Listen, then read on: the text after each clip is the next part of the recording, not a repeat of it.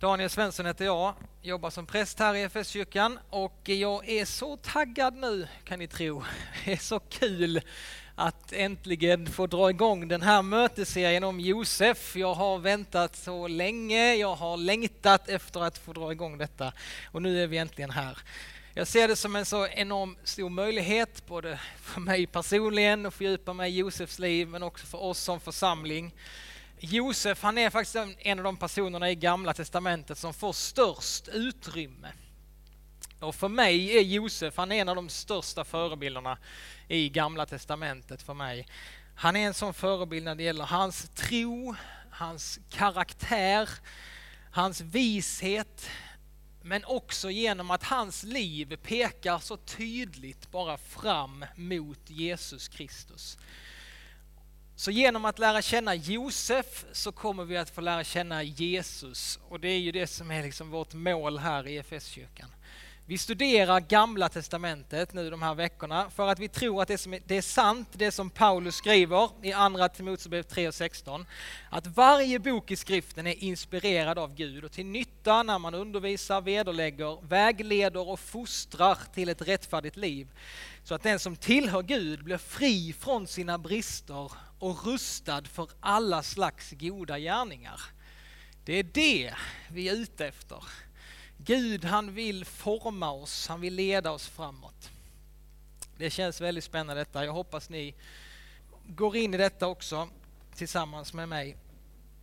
Men innan vi går in i berättelsen om Josef så behöver vi förstå liksom vad som har hänt innan. Vad är det för sammanhang den här berättelsen står i?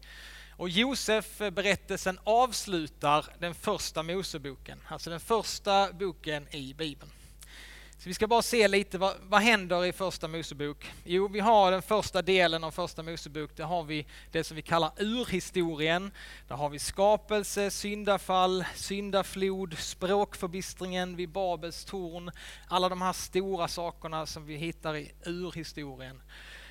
Märk, bara att lägga märke till, så direkt efter syndafallet när människan har vänt Gud ryggen så, står, så är det ett löfte från Gud att en dag så kommer det komma en man född av kvinna och han kommer trampa ner ormens huvud. Han kommer en dag besegra det onda. Det finns ett löfte, alltså ett evangelium från Gud redan där i det tredje kapitlet. Sen hittar vi i kapitel 12, den andra delen av första Mosebok. Då eh, börjar liksom Gud sin frälsningsplan. Då han väljer ut en man, Abraham, Sara. Och han säger till dem, ni kommer bli ett stort folk. Jag kommer välsigna er och ni kommer bli till välsignelse för alla folk. Ni kommer bli ett jättestort folk. Men hur går det för dem? Det går inte så bra, de får inget barn. Hallå Gud. Och de försöker ta det här i egna händer, fixa det på annat sätt och det var inte Guds tanke. Men till slut när det är helt omöjligt, när allting ser dött ut, då får de löftessonen Isak. Löftet går vidare till Isak, välsignelsen går vidare till Isak och Rebecka. De får Esau och Jakob. Det var Esau som skulle vara löftesbarnet, han, han kom ut först. Men Jakob, han bedrar sin bror på förstfödelserätten. Han bedrar sin bror på faderns välsignelse. Jakob, han är en bedragare och han får välsignelsen. Och nu är han tvungen att fly ifrån sin familj för att Esau hade dödat honom annars. Alltså detta är en väldigt dysfunktionell eh, familj och släkt på så många sätt. Det är olika fruar, det är liksom, ja, Gud han har liksom väldigt märkliga människor att jobba med. Liksom. Men löftet går vidare trots detta till Jakob. Han flyr till Laban. Eh, där ska, möter han Rakel och han blir ju jättekär i Rakel. Det är Rakel jag vill ha. Han säger, jag jobbar sju år för dig Laban för att få Rakel. När han vaknar upp efter bröllopsnatten så är det Lea som han har gift sig med, alltså systern. Han som lurade blir alltså lurad och eh, han får jobba sju år till för att få Rakel. Och nu har han två fruar, bara det kan ju bli lite problem. Inte nog med det, Lea, hon som inte är favorithustrun, hon får alla sönerna.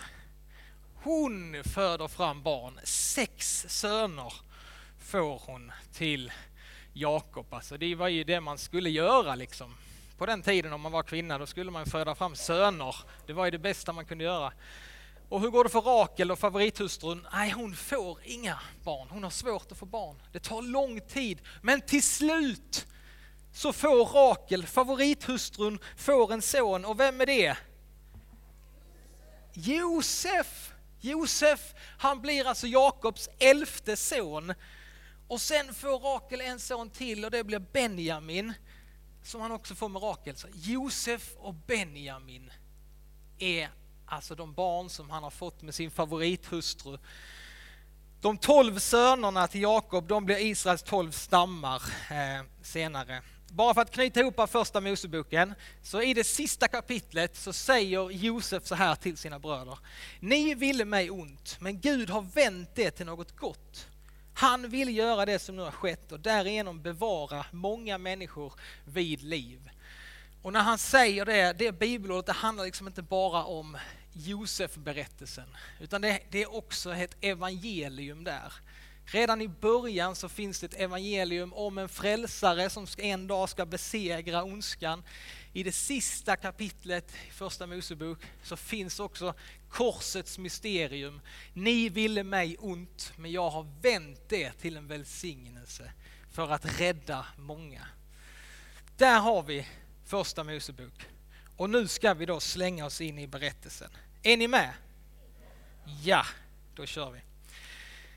Jakob bosatte sig i det land där hans far hade bott, i Kanan. Och detta är berättelsen om Jakob och hans släkt. När Josef var 17 år vallade han fåren tillsammans med sina bröder. Allt ont som berättades om dem förde han vidare till fadern. Israel älskade Josef mer än alla sina andra söner. Han hade ju fått honom på gamla dagar. Han hade låtit göra en fotsid direkt åt honom, men när bröderna såg att deras far älskade Josef mer än alla sina andra söner greps de av hat. De kunde inte tala vänligt med honom. En gång hade Josef en dröm och när han berättade den för sina bröder blev deras hat ännu starkare. Hör vad jag har drömt, sade han.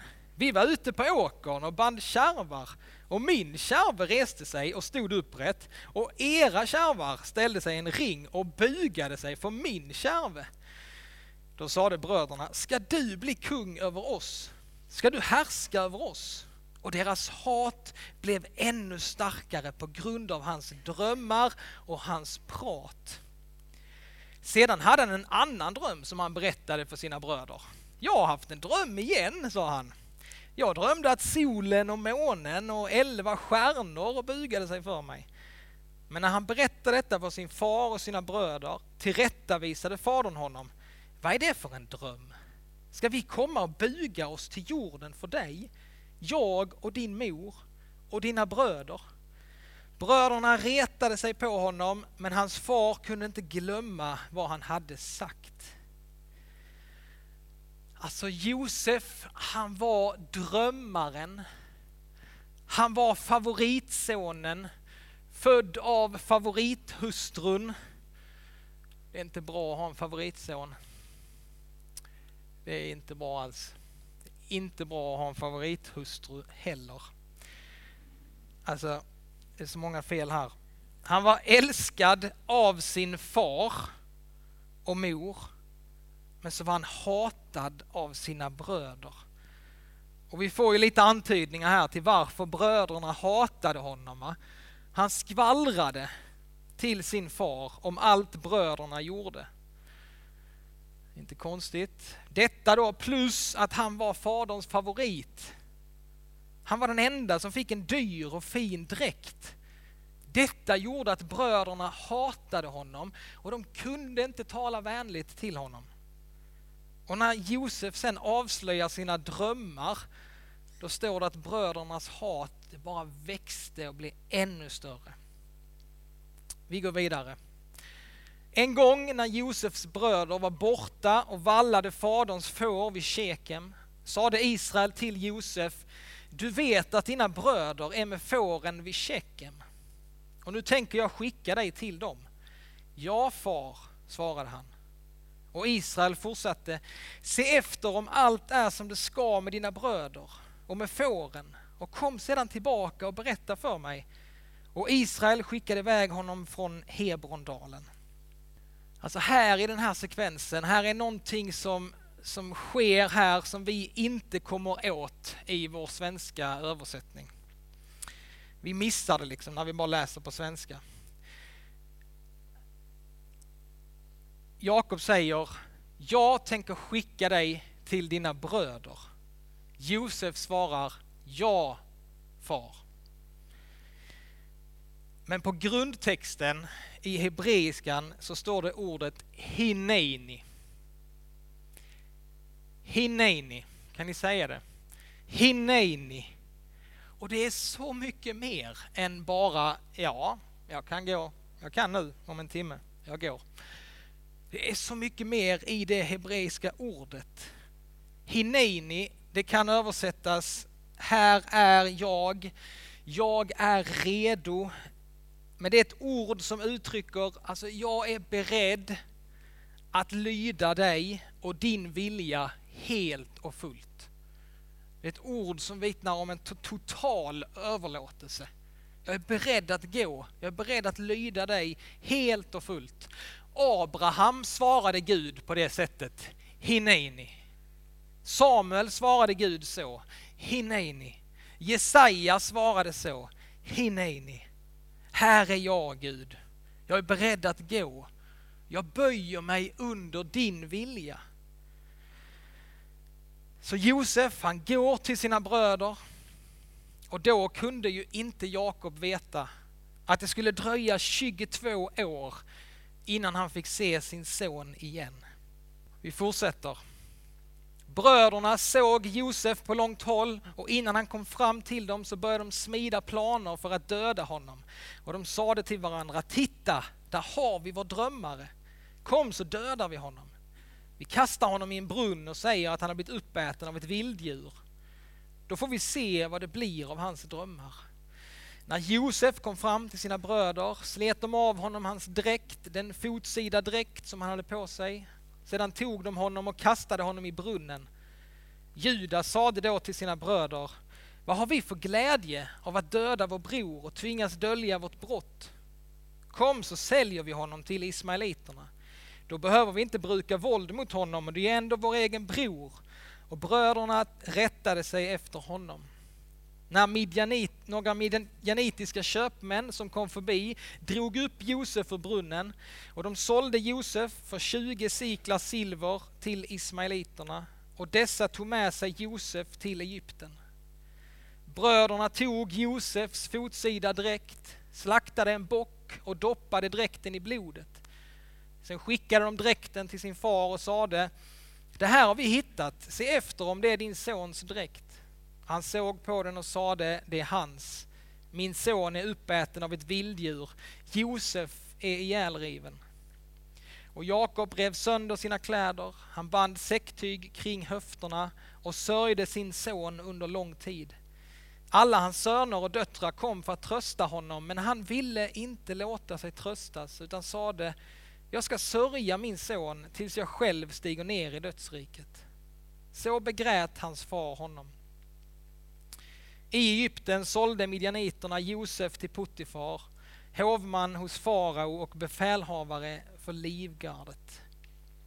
Alltså när bröderna ser Josef på håll så planerar de för att döda honom.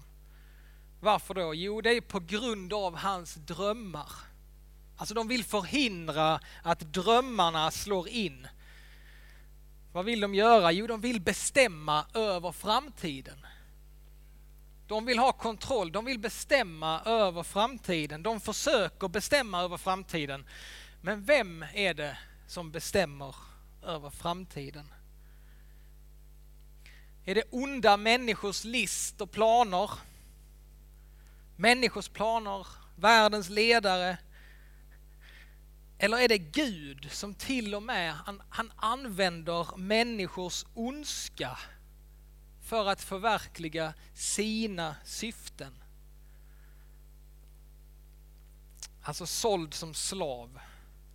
Tänker in i Josefs situation. Va? Vad blev det av hans drömmar? Varför griper inte Gud in? Varför förhindrar han inte detta? Josef, han måste ha känt sig totalt övergiven, sviken av sina bröder, sin egen familj, övergiven av Gud. Allt såg verkligen hopplöst och dött ut. Men vi ser i den här berättelsen och i så många berättelser i Bibeln att Gud, han genomför sina avsikter så som han vill.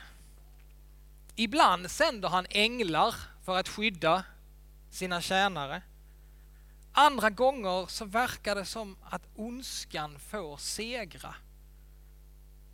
Men också då, också där, så har han sin hand över allt.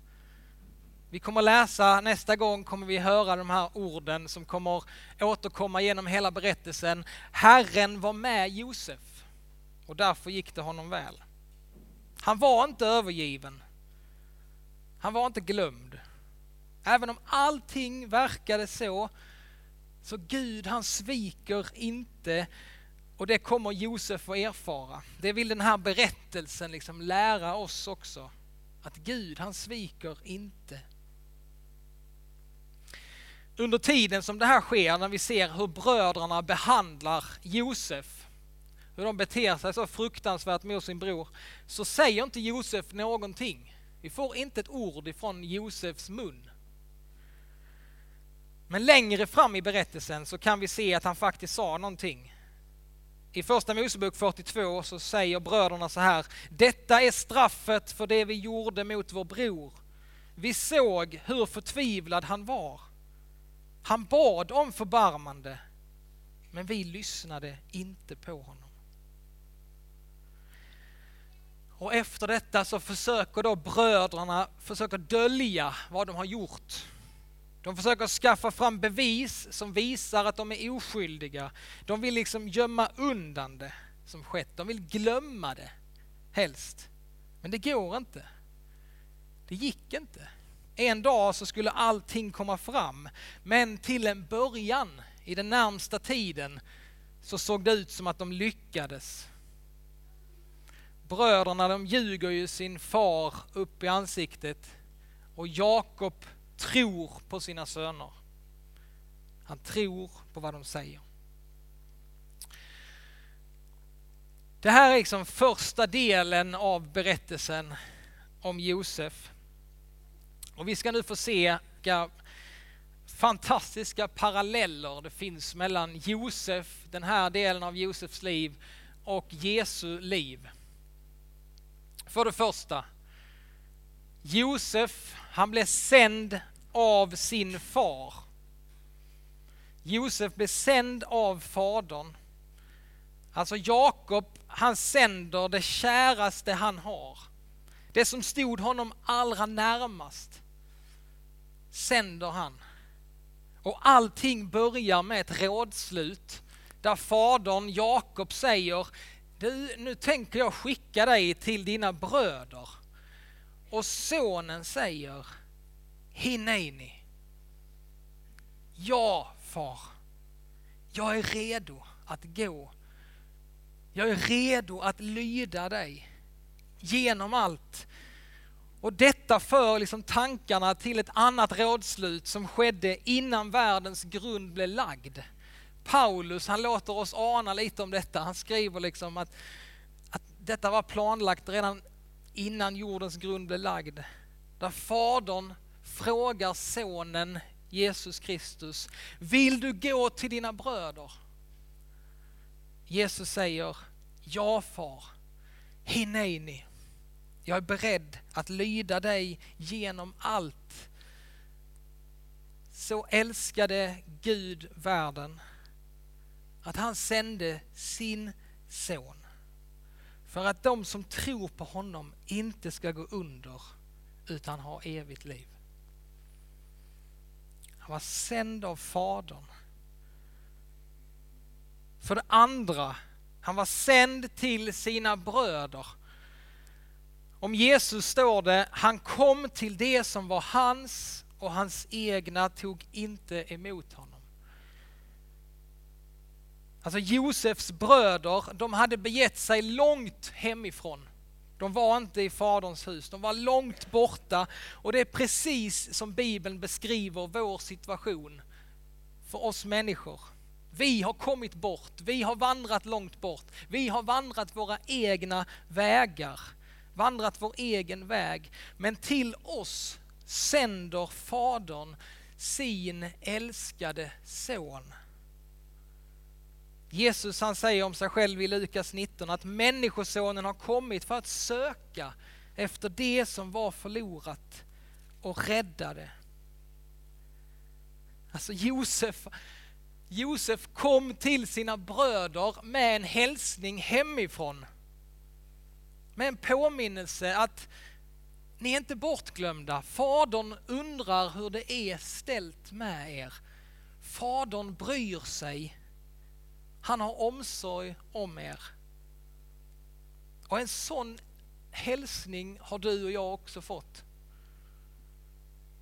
Det är så mycket som tyder liksom i Bibeln på att Gud han älskar oss, att han har omsorg om oss. Men det finns ingenting som talar starkare om Guds omsorg, om hans längtan efter dig och mig, hans kärlek till oss, som detta att han sände sin son. Så älskade Gud världen, att han sände sin son. För det tredje Josef blev utstött av sina bröder. Direkt när de såg honom så pratade de om hur de skulle få bort honom. Samma sak sker med Jesus. Översteprästerna och de skriftlärda överlade om hur de skulle få bort Jesus. Här finns så många likheter mellan Josef och Jesus. De tog av honom hans mantel. Samma sak ser vi hur de behandlar Jesus. De grep Josef och de kastade honom i brunnen. Också detta har liksom motsvarighet till vad som hände Jesus. De sålde Josef för 20 siklar silver. Det var Juda som föreslog att man skulle sälja Josef och hans namne i Nya Testamentet, Judas, föll för frestelsen att sälja Jesus för 30 silverpengar. Allting verkar ske efter människors planer, människors beslut.